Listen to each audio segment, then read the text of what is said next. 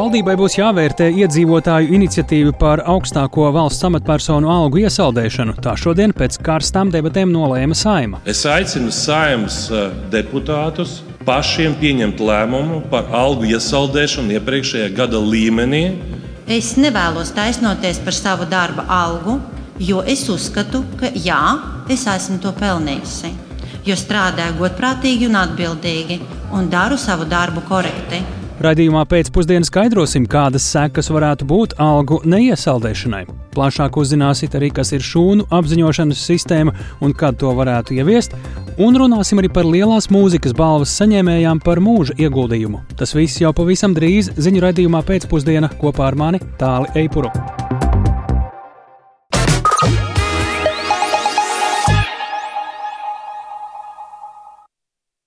Pūkstens rāda 16,5 minūtes.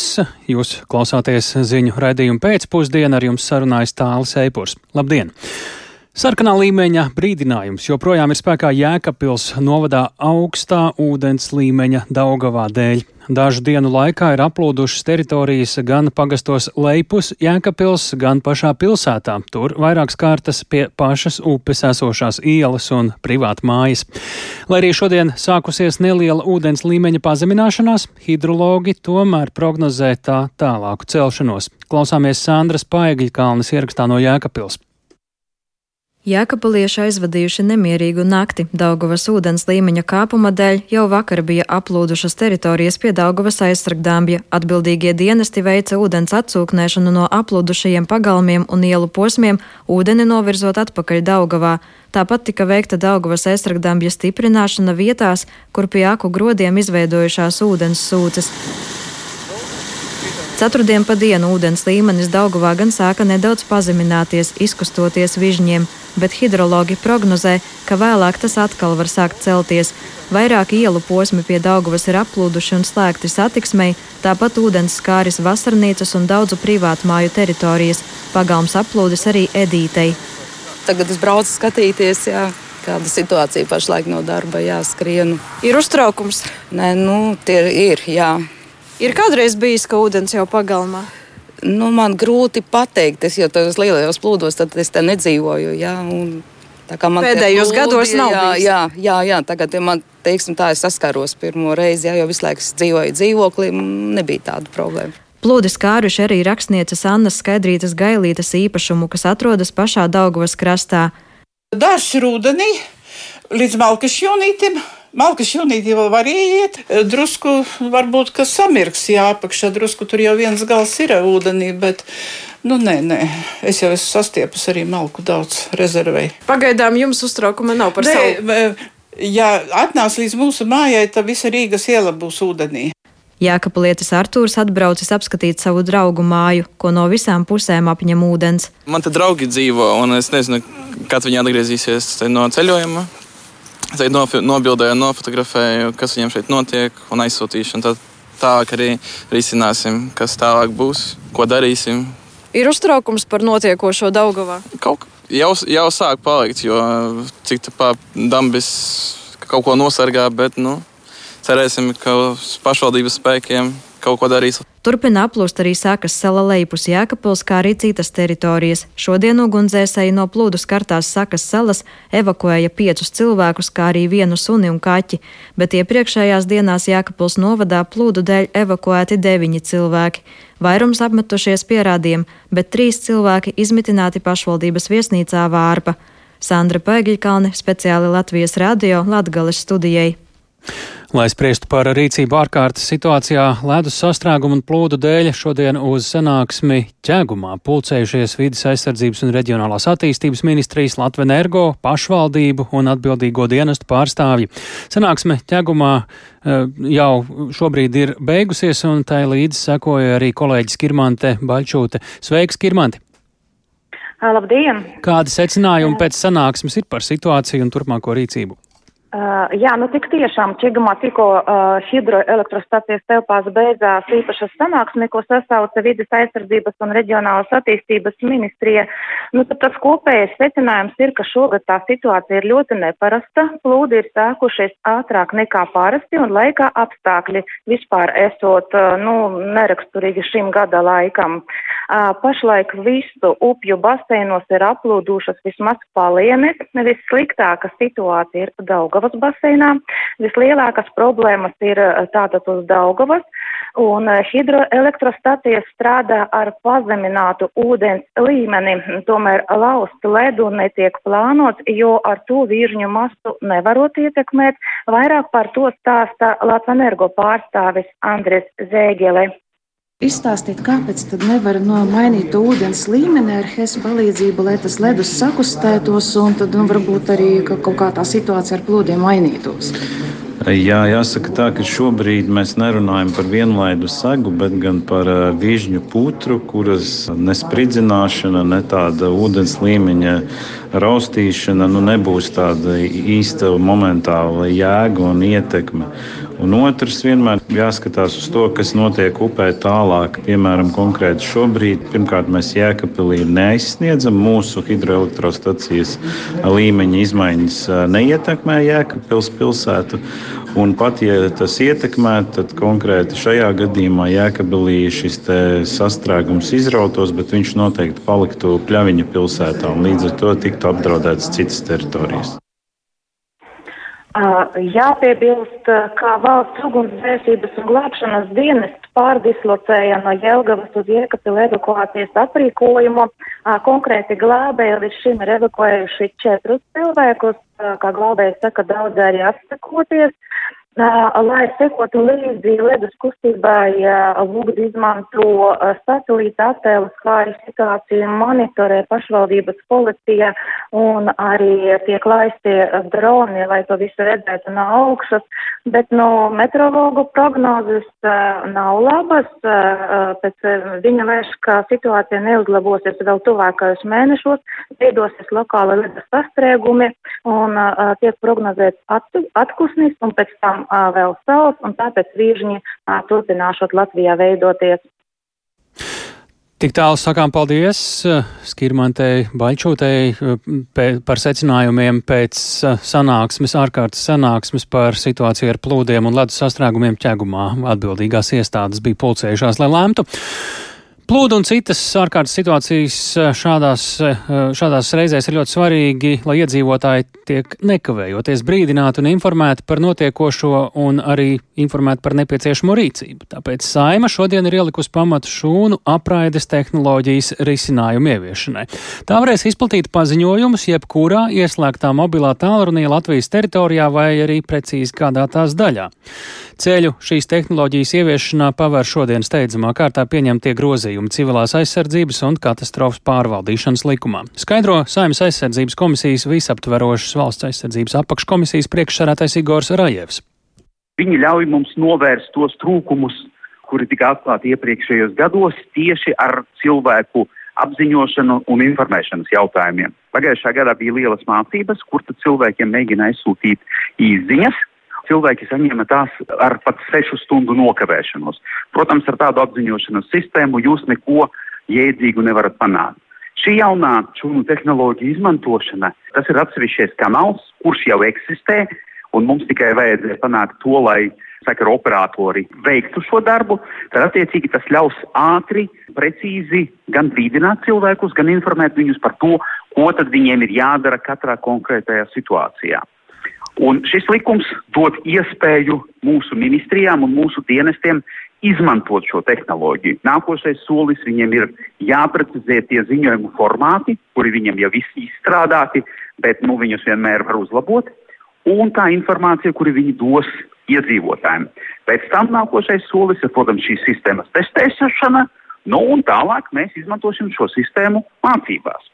Un mēs visu laiku runājam par civilo aizsardzību, kas tur ir slikti. Un šis ir viens no tiem ķieģelīšiem, kur ietam liekās tajā sienā un kurai ļaus mums izveidot efektīvu un labi darbojošo sistēmu. Viņa praktiski var sākt darboties uzreiz, jāpiestrādā mazliet pie informatīviem ziņojumiem, un citām lietām, bet principā jā, rokas tagad attiecīgiem dienestiem un ministrijām ir atbrīvotas.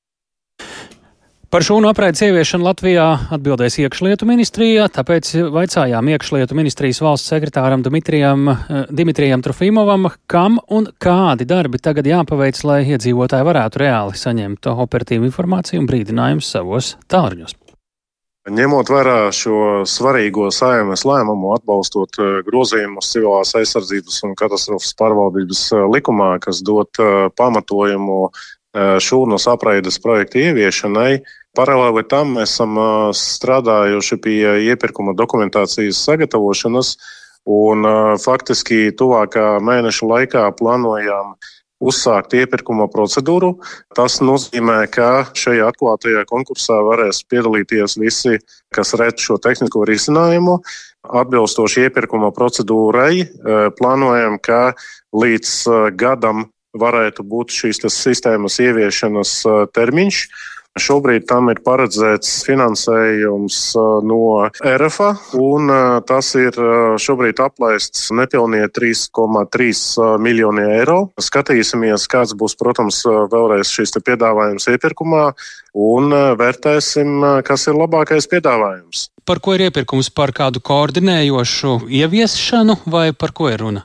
Jā, ir divas daļas. Faktiski viens ir tas, ko mēs arī likumprojekta anotācijā esam aprakstījuši, kas ir tās izmaksas, ko mēs esam tiesīgi sekt no publiskā finansējuma operatoriem vienreizējā raksturā attiecīgo iekārtu iegādēji un tālāk jau Eiropas Savienības regula kas turpinās arī caur šo pienākumu likumā, paredz operatoriem pienākumu nodrošināt piekļuvi tīklam. Līdz ar to, protams, arī iepirkumā ir paredzēta saucamā programmatūra, jeb šis risinājums, kas nodrošinās attiecīgi nu, šo savienošanu starp zvanu un šī zvana nonākšanu tīklā, un, protams, tālāk jau tehnisko risinājumu atbilstoši kuram nevis šie brīdinājumi SMS formātā sastājās rindas kārtībā un rada noslodzi tīklam, bet uh, efektīvā veidā. Un viens no šī projekta nosacījumiem, tā skaitā arī mazināt ietekmi uz uh, mobilo sakaru operatoru tīklu, uh, tiktu nodots šajā konkrētajā apdraudētajā teritorijā visiem tiem abonentiem, kas atrodas attiecīgajā apgabalā. Neatkarīgi no tā, kam viņi ir pieslēgušies, galvenais, ka viņiem ir ieslēgta mobilā ierīce un pie kāda torņa. Šobrīd vai ir kādas, ja tā teikt, šaurās vietas vai lietas, kas joprojām ir uz jautājuma zīmes vai sarežģīti risināmas tagad, kad šis likums jau ir pieņemts grozījumā? Šis ir labs jautājums, jo projekts ir skaidrs, ka būs komplicēts tādā ziņā, ka šī noteikti būs sadarbība ar šiem vadošajiem mobilo sakra operatoriem. Un, protams, gan operatoru pusē, gan no projektu vadības puses ir jābūt labai izpratnē par tiem sasniedzamiem mērķiem. Un, protams, par to, ka katrai pusē būs jāizdara savs darbiņš noteiktajos termiņos. Šobrīd ir pretim nākošie operatori. Ir līdz šim komunikācija mums, veiksmīga? Jā, mums ir bijuši zināmi izaicinājumi, lai vienotos par tiem nosacījumiem attiecībā uz pieejamo finansējumu un tam iespējām, ko valsts var sekt no projekta, bet par to esam vienojušies. Attiecīgi projekts izgāja ministru kabinetu kā saskaņots un saimā atbalstīts, kā arī tika minēts. Tad gada beigās sistēma jau optimāli varētu darboties? Izvērtējumā, pētījumā bija konstatēts, ka ir risinājumi, kurus attiecīgie ražotāji var ieviest ātrāk, ir risinājumi, kura ražotāju ieviešana ir objektīvi garāka. Tā kā te būs noteikti piedāvājumā gan termiņš ieviešanas, gan arī tās izmaksas, un attiecīgi tam jau būs uh, iepirkuma rezultāts un būs zināmā, uh, zināmi vairāk šie ieviešanas termiņi. Bet pēc būtības tātad mēs plānojam, ka šīs uh, projekta īstenošanas laiks pat pie tā risinājuma, kas paredz varbūt ilgāku termiņu, ir gads. Tā iekšlietu ministrijas valsts sekretārs Dmitrijs Trofimovs skaidrojot uh, procesu, kā Latvijā plānots nonākt līdz šūnu apraides tehnoloģijas risinājumu ieviešanai, lai iedzīvotāji varētu saņemt ārkārtas situācijās svarīgus paziņojumus. Saimā šodien bija plašas debatas par iedzīvotāju kolektīvo iesniegumu, kurā prasīta algu iesaldēšana valsts prezidentam, ministriem un deputātiem un citiem tautas kalpiem. Ņemot vērā ekonomisko situāciju valstī, saima ir šodien uzdevusi valdībai līdz aprīlim pārvērtēt valsts augstāko politisko amatpersonu atalgojumu sistēmu. Saimas debatēs šodien izskanēja gan aicinājumi izvērtējumu veikt ātrāk, gan arī nenovērtēt par zemu saimas deputātu darbu. Vairāk Jāņa Kīņša ierakstā. Saimā iesniegtajā 10,434 pilsoņu kolektīvajā iesniegumā prasīja algu iesaldēšanu augstākajām valsts amatpersonām. Tās varētu celt, ko līdz stabilizēsies ekonomiskā situācija un būs apturēts inflācijas kāpums un pārvarēta energoresursu cenu krīze. Tomēr saskaņā ar vidēja termiņa budžeta likumu atalgojums politiķiem audzis jau no janvāra.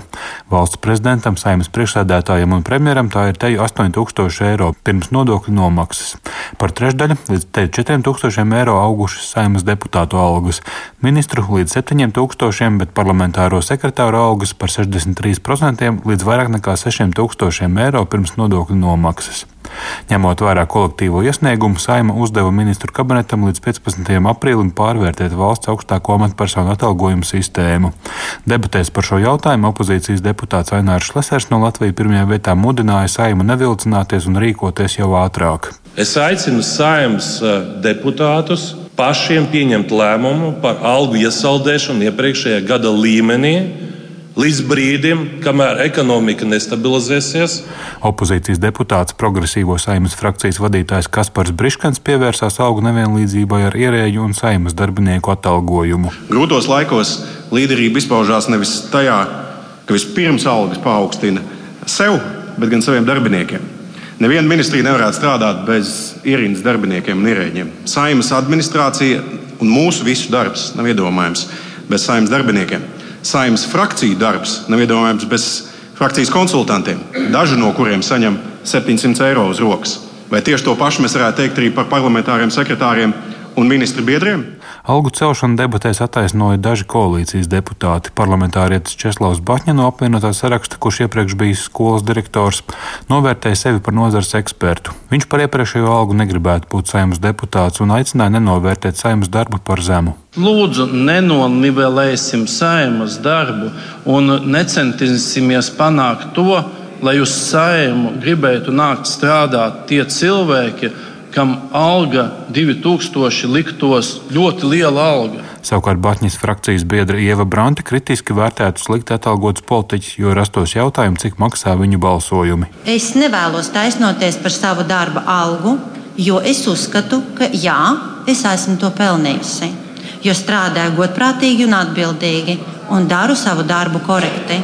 Saimas dotais uzdevums pārvērtēt atalgojumu reformu ir vispārīgs, ņemot vērā esošo ekonomisko situāciju valstī. Valsts kancelē savā analīzē iekļaus datus, ko centrālā statistikas pārvalde publicēs pēc ilgāka laika. Tāpēc šim izvērtējumam esot vajadzīgi nākamie četri mēneši. Jānis Kincis, Latvijas Radio. Lai vērtētu algu pieaugumu un lēmumus, kā arī diskusiju par to, sazinājāmies ar providus direktoru un vadošo pētnieci politoloģiju Vietu Kažoku, jautājot, vai Latvijā ir laiks un pamats algu pieaugumam ministriem, deputātiem un citām augstām amatpersonām tīri idejiski un arī skatoties uz sabiedrības noskaņojumiem, ir grūtāk atrast vēl nepiemērotāku brīdi, kad uh, publiskajā telpā izskanēt ziņu vilniem par to, ka politiskajai elitei ir ļoti lielu vērienu palielināt algas, tāpēc, ka ir mežonīga inflācija. Latvija ir sociāli noslāņota valsts, kur ļoti daudziem cilvēkiem šobrīd ir grūti samaksāt savus rēķinus. Tas vēl uzslāņojās uz aizvainotības un sašķelumā sajūtām, kas tāpat ir mūsu mūsu sabiedrībā. Un turklāt tas, ko mēs redzam no jaunākajiem partiju reitingiem, kas strauji sākus samazināties uzticēšanās valdībai. Un šī ir jauna valdība, viņai ir vajadzīga sabiedrības uzticēšanās, lai paveiktu kaut kādus nopietnus darbus. Un šādos apstākļos iet uz tik grandioziem atalgojuma palielinājumiem, kur tiešām dažām amatpersonām tie nav daži procenti, tas pat ir stipri, stipri vairāk nekā inflācija. Nu, manā izpratnē tas ir ļoti neapdomīgi, lai neteiktu, ka robežojās ar neprātu. Bet, nu, tā sakot, jā, pēc dažiem gadiem izrādīsies, ka Latvijas politiķi ir sākuši strādāt nu, par kārtu jaudīgāk, un uh, uz šiem amatiem uh, ir uh, daudz sīvāka konkurence nekā līdz šim. Iespējams, ka šis risks būs attaisnojies, bet šobrīd man tas tiešām izskatās pēc tāda ļoti riskanta lēmuma, ņemot vērā nu, tos, tos noskaņojumus, kas ir mūsu sabiedrībā, un ņemot vērā to, ka tiem cilvēkiem valsts sektorā, kuriem algas ir objektīvi ārkārtīgi zemas, kā reiz tas finanses atalgojuma palielināšanai ir iestrēgušas stipri iekavētās sarunās par jauno valsts budžetu, un droši vien tiks piešķirtas tikai tad, ja būs pāri palikuši kaut kādi finanšu līdzekļi. Tā kā kopumā tas, protams, ir ļoti neveiksmīgs brīdis, kad šādus lēmumus pieņemt. Kāds uh, vispār būtu optimālais risinājums šobrīd, uh, ņemot vērā iepriekš izteiktos argumentus un ņemot vērā arī šo iesniegumu, kurš joprojām karājas gaisā? Nu, šobrīd uh, šo problēmu risināt jau var teikt ir par vēlu. Bija svarīgi kaut ko tādu nepieļaut, nu vienkārši saprotot tās noskaņas sabiedrībā un saprotot, cik ārkārtīgi neglīti tas izskatīsies, nu tik lieli, vērienīgi, ambiciozi atalgojumi palielinājumi tieši nu, jau tāpat neslikti atalgotajām valsts amatpersonām.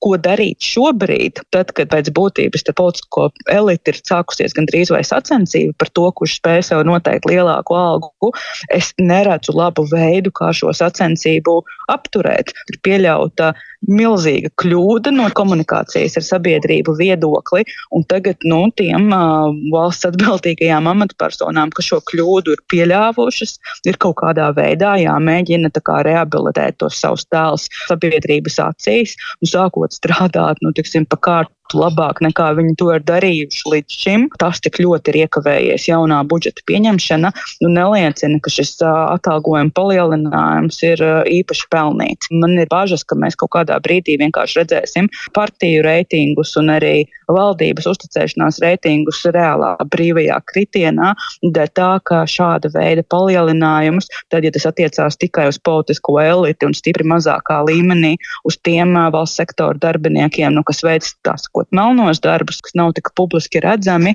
viņš ir praktiski neizskaidrojams. Tas bija milzīgs risks no mūsu politiskās elites puses uz kaut ko tādu iet. Nu, tagad viņiem pašiem ir jāizsmeļ tas, ko viņi ir sastrādājuši. Kurš būtu visvairāk kļūdījies? Jo opozīcija, tā teikt, jā, baltā zirgā šobrīd debatēs par to saimā. Jau šobrīd, ja mēs paskatāmies uz jaunās vienotības un apvienotā saraksta, varbūt mazākā mērā Nacionālās apvienības reitingiem, viņi ir kritienā. Ir sevišķi jaunās vienotības reitingi, bet arī apvienotā saraksta reitingi. Un publiski ir ļoti skaļi izskanējis, ka nu, vislielākais tas pieaugums ir saimnes spīkerim, kas nozīmē, ka pat ja šo reformu izstrādāja jaunā vienotība, pēc būtības viņš tā kā ir sācis asociēties ar apvienoto sarakstu.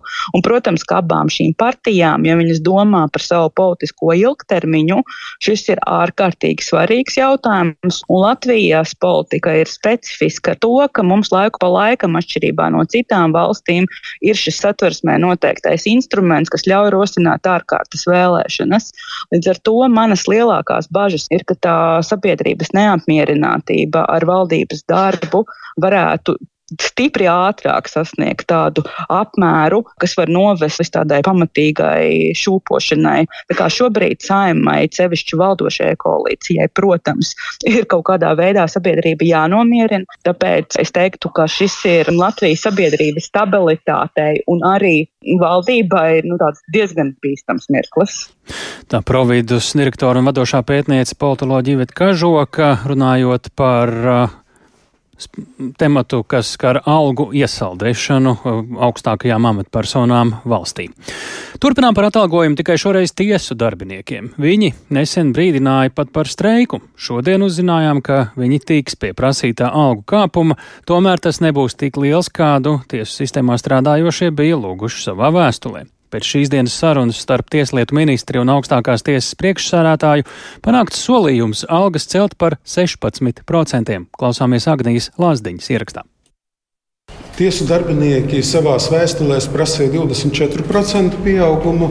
E, šobrīd šāds pieaugums netiek plānots, tiek plānots 16% pieaugums. Pagājušā gada decembrī Tieslietu padome saņēma 924 tiesu darbinieku kolektīvo vēstuli, kurā tika draudēts ar streiku, ja netiks celtas algas. Kā stāsta augstākās tiesas priekšsēdētājs Aigars Strupišs, ir panākta vienošanās ar Tieslietu ministri Inesi Lībiņu Egneri no jaunās vienotības par algu celšanu celšanu, iesniedzot 4,4 miljonu pieprasījumu šī gada budžetā. Tie, kuriem alga šobrīd ir uz papīra, ja pirms nodokļiem 900 līdz 1200 eiro.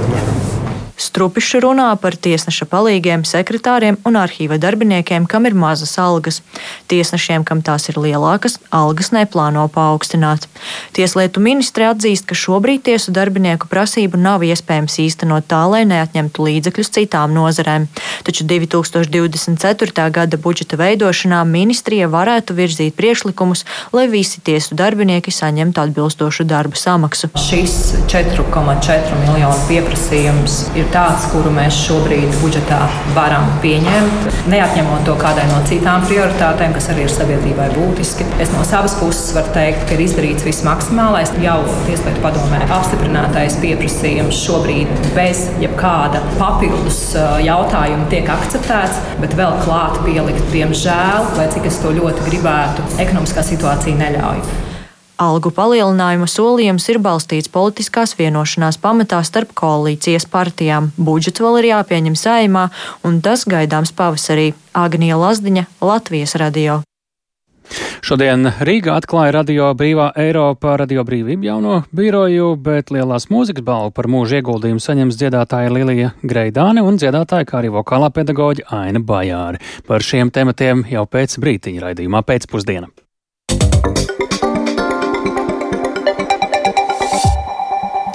Šodien Rīgā atklāja Radio Brīvā Eiropa, Radio Brīvība jauno biroju. ASV reģistrētā raidorganizācija, kuras galvenā mītne ir Prāgā, sāka pārcelt savus darbiniekus no Ukrainas un Krievijas uz Rīgu jau pagājušā gada martā, lai viņi uzrunātu auditoriju Krievijā, kur strādāt vairs nebija iespējams. Vairāk par to klausieties Ievas Puķes reportāžā.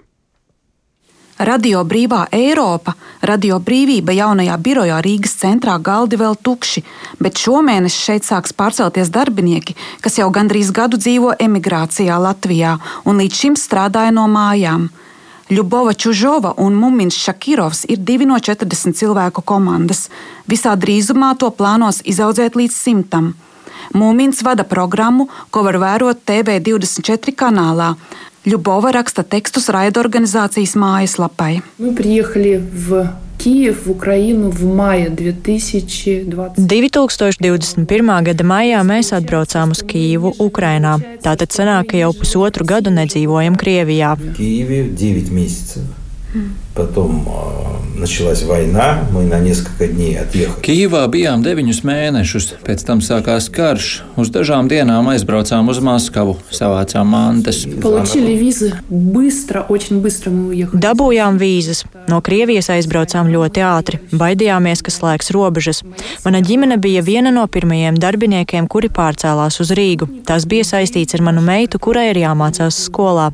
Man bija svarīgi, lai viņa turpina mācīties kā normāls bērns. Мне было важно, чтобы она продолжала учиться в школе как нормальный ребенок. Rīgas biroja oficiālās atklāšanas dienā tā vadītājs Elmārs Sveķis paziņoja par strateģiskajiem mērķiem veidot Rīgu par svarīgu bāzi, kur ražos saturu arī Current Time televīzijas kanālam. Paredzēts izveidot digitālo inovāciju laboratoriju un pētnieciskās žurnālistikas komandu, lai analizētu notikumus Krievijā. Mumins Šakirovs ieradās Rīgā jau pagājušā gada aprīlī, bet Ļubova Čužova jau martā. Viņu kolēģi Vēru Geļiču Ukrainā nogalināja Krievijas armija. Kāds ir noskaņojums un kā sokas darbs no Latvijas jautāju? Saprotiet, situācija Krievijā tagad ir tāda, ka ir ļoti grūti atrast cilvēkus, kuri nebaidās runāt priekš rādio brīvā Eiropa. Diemžēl lielākā daļa mūsu materiāla ir par to, ka kāds atkal ir iesēdināts, par kādu ir ierosināta lieta, kāds ir atkal aizbēdzis no Krievijas.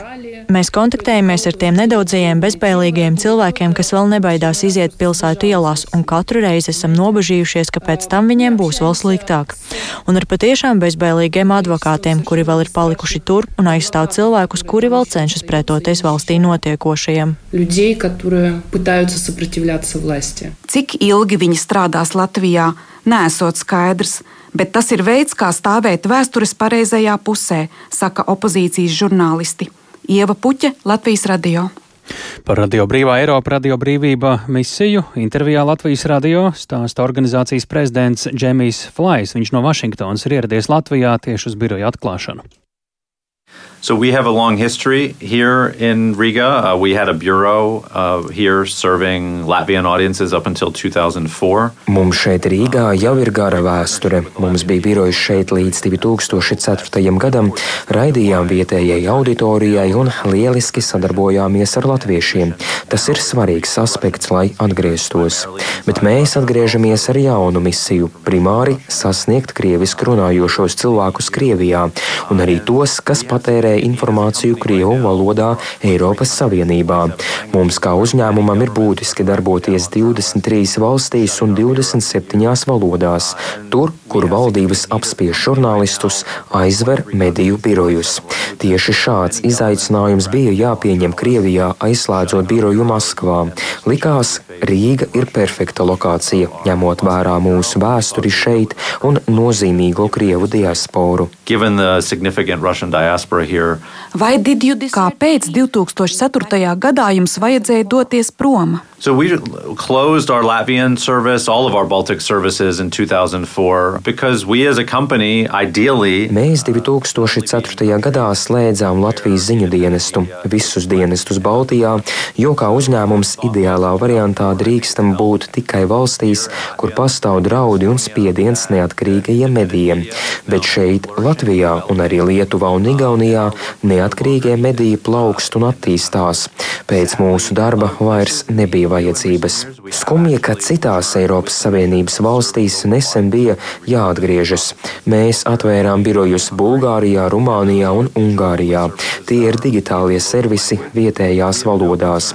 Mums tiešām nav šaubu par mediju brīvību Latvijā. Strādājot šeit, fokusējamies uz jaunu auditoriju sasniegšanu Krievijā. Vai arī Lietuvā tagad ir jauns birojs? Yes, earlier this week we also returned to Vilnius, where we also had a bureau up until uh, 2004. Jā, šonadēļ atgriezāmies arī Viļņā, kur mums bija birojs līdz 2004. gadam. Šis birojs, kas ir nedaudz mazāks, pamatā fokusējas uz Baltkrievijas auditoriju. Tas sēdz Baltkrievijas emigrācijas valdības un Svietlanas Cihanovskas darbību. Ir saistīts ar daudziem neatkarīgiem Baltkrievu medijiem, kas strādā Viļņā. Šī atgriešanās Lietuvā un Latvijā ir daļa no mūsu ekspansijas to notikumu dēļ, kas notiek reģionā, Krievijā un Ukrainā. Mēs gribam dot savu pienesumu plašajā informācijas karā un sasniegt cik iespējami daudz cilvēku ar godīgām un objektīvām reportāžām. About... Vai esat dzirdējis par situāciju ar TV kanāla Dožģa apraides slēgšanu Latvijā?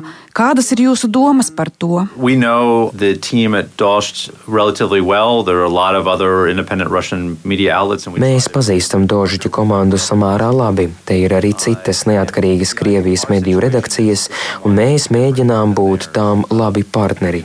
Mūsu situācija atšķiras no viņu. Mums ir licence Čehijā, nelūksim to Latvijā.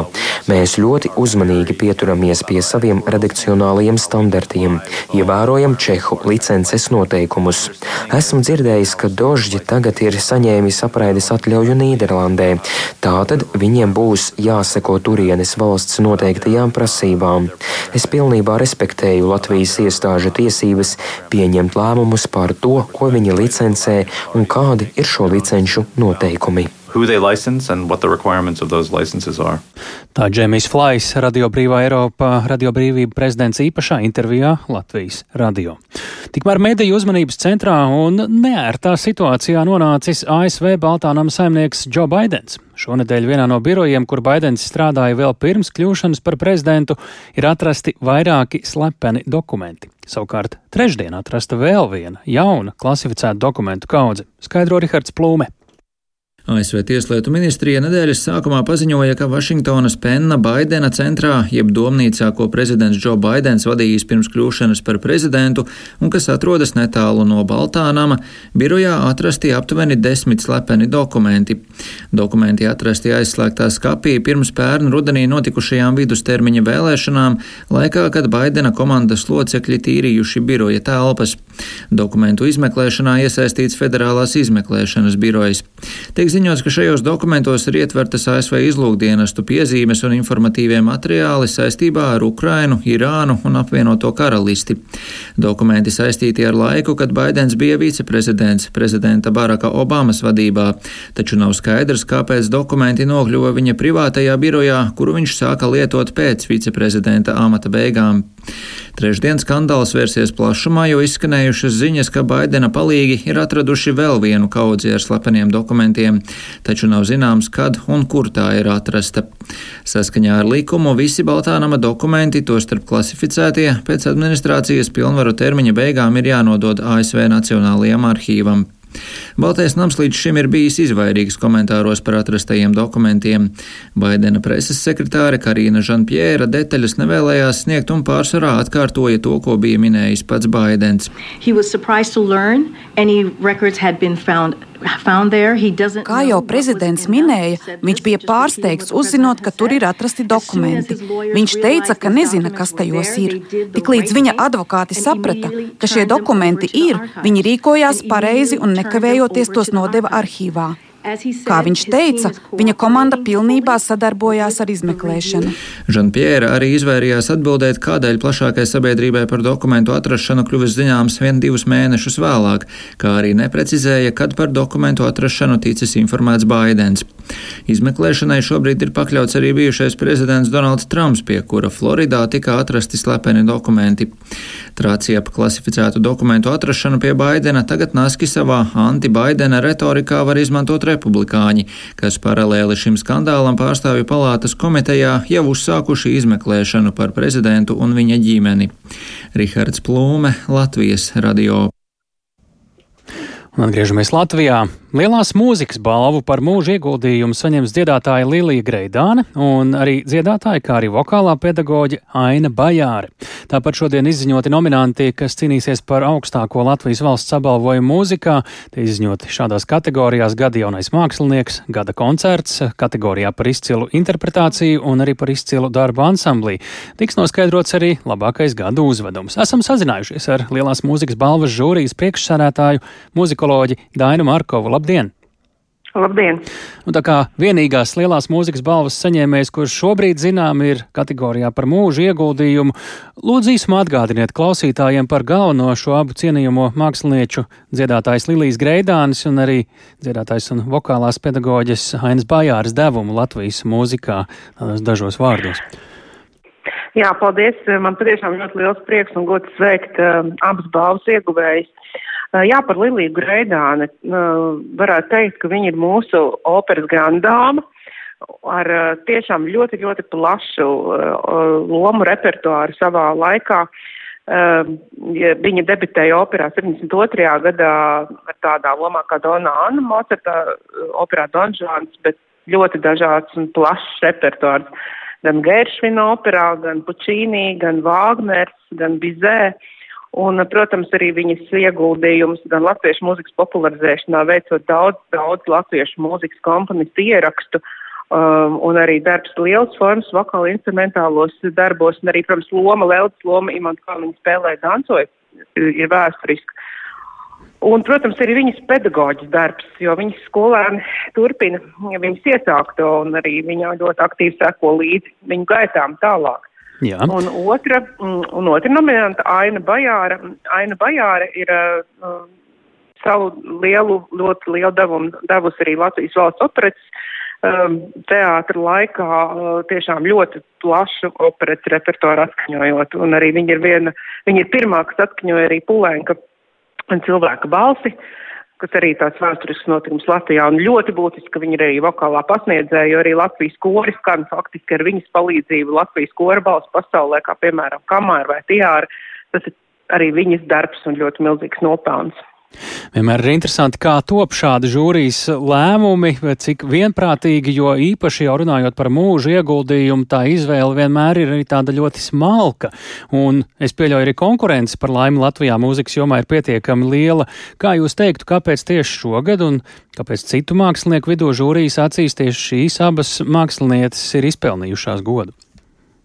Es teiktu tā, ka katru gadu kaut kādā veidā tā sinerģija veidojas un uh, mēs katrs izvirsām savus kandidātus. Uh, no tiešām no tā plašā nu, pulka, kas to šo balvu būtu pelnījuši. Un, nu, tā šoreiz sanāca, ka mēs, mēs izvirzījām šīs abas dāmas un par to vienojāmies visi kopā. Un, um, Jo mēs jau arī pagājušajā gadā skatījāmies, un arī viņas jau bija labu laiku, teiksim, tajā mūsu redzes laukā, kā nu, tādas cienīgas pretendentes uz šo balvu. Nu jā, tā tas notika šajā gadā. Tad varētu saukt arī par pietiekami lielu vienprātību. Pati pasniegšana jā. atgādinām, kad notiks. Uh, tad lielās muzikas balvas pasniegšana būs 7. martā Latvijas Nacionālajā operā un uh, tiešraidē Latvijas televīzijā un arī Latvijas rādio. Trīs klasika. klasika. Jā, tieši tā. Jā. Septiņos vakarā. to es atceros no lasītā. Sakām lielu, lielu paldies Dainai Markovai, Lielās mūzikas balvas žūrijas priekšsādātājai, muzikoloģijai. Jūs klausījāties ziņu raidījuma pēcpusdiena. Un uh, atgādinām, ka to šodien veidojām mēs, Tāls Eipurs, Ilze Aginta, arī Renārs Štēmans un Iveta Zvejniece. Un, protams, ja vēlaties šo pārraidi noklausīties paši vai ir ieteikt kādam citam, uh, daloties ar šo pārraidi, tad noteikti varam ieteikt to darīt Latvijas radio mobilajā lietotnē, kā arī mirkli vēlāk tā būs pieejama arī visās lielākajās raidierakstu platformās. Tur Tas kopā ar citiem ziņu raidījumiem zem nosaukuma Dienas ziņas. Radījumā pēcpusdienā mēs tiekamies arī rīt.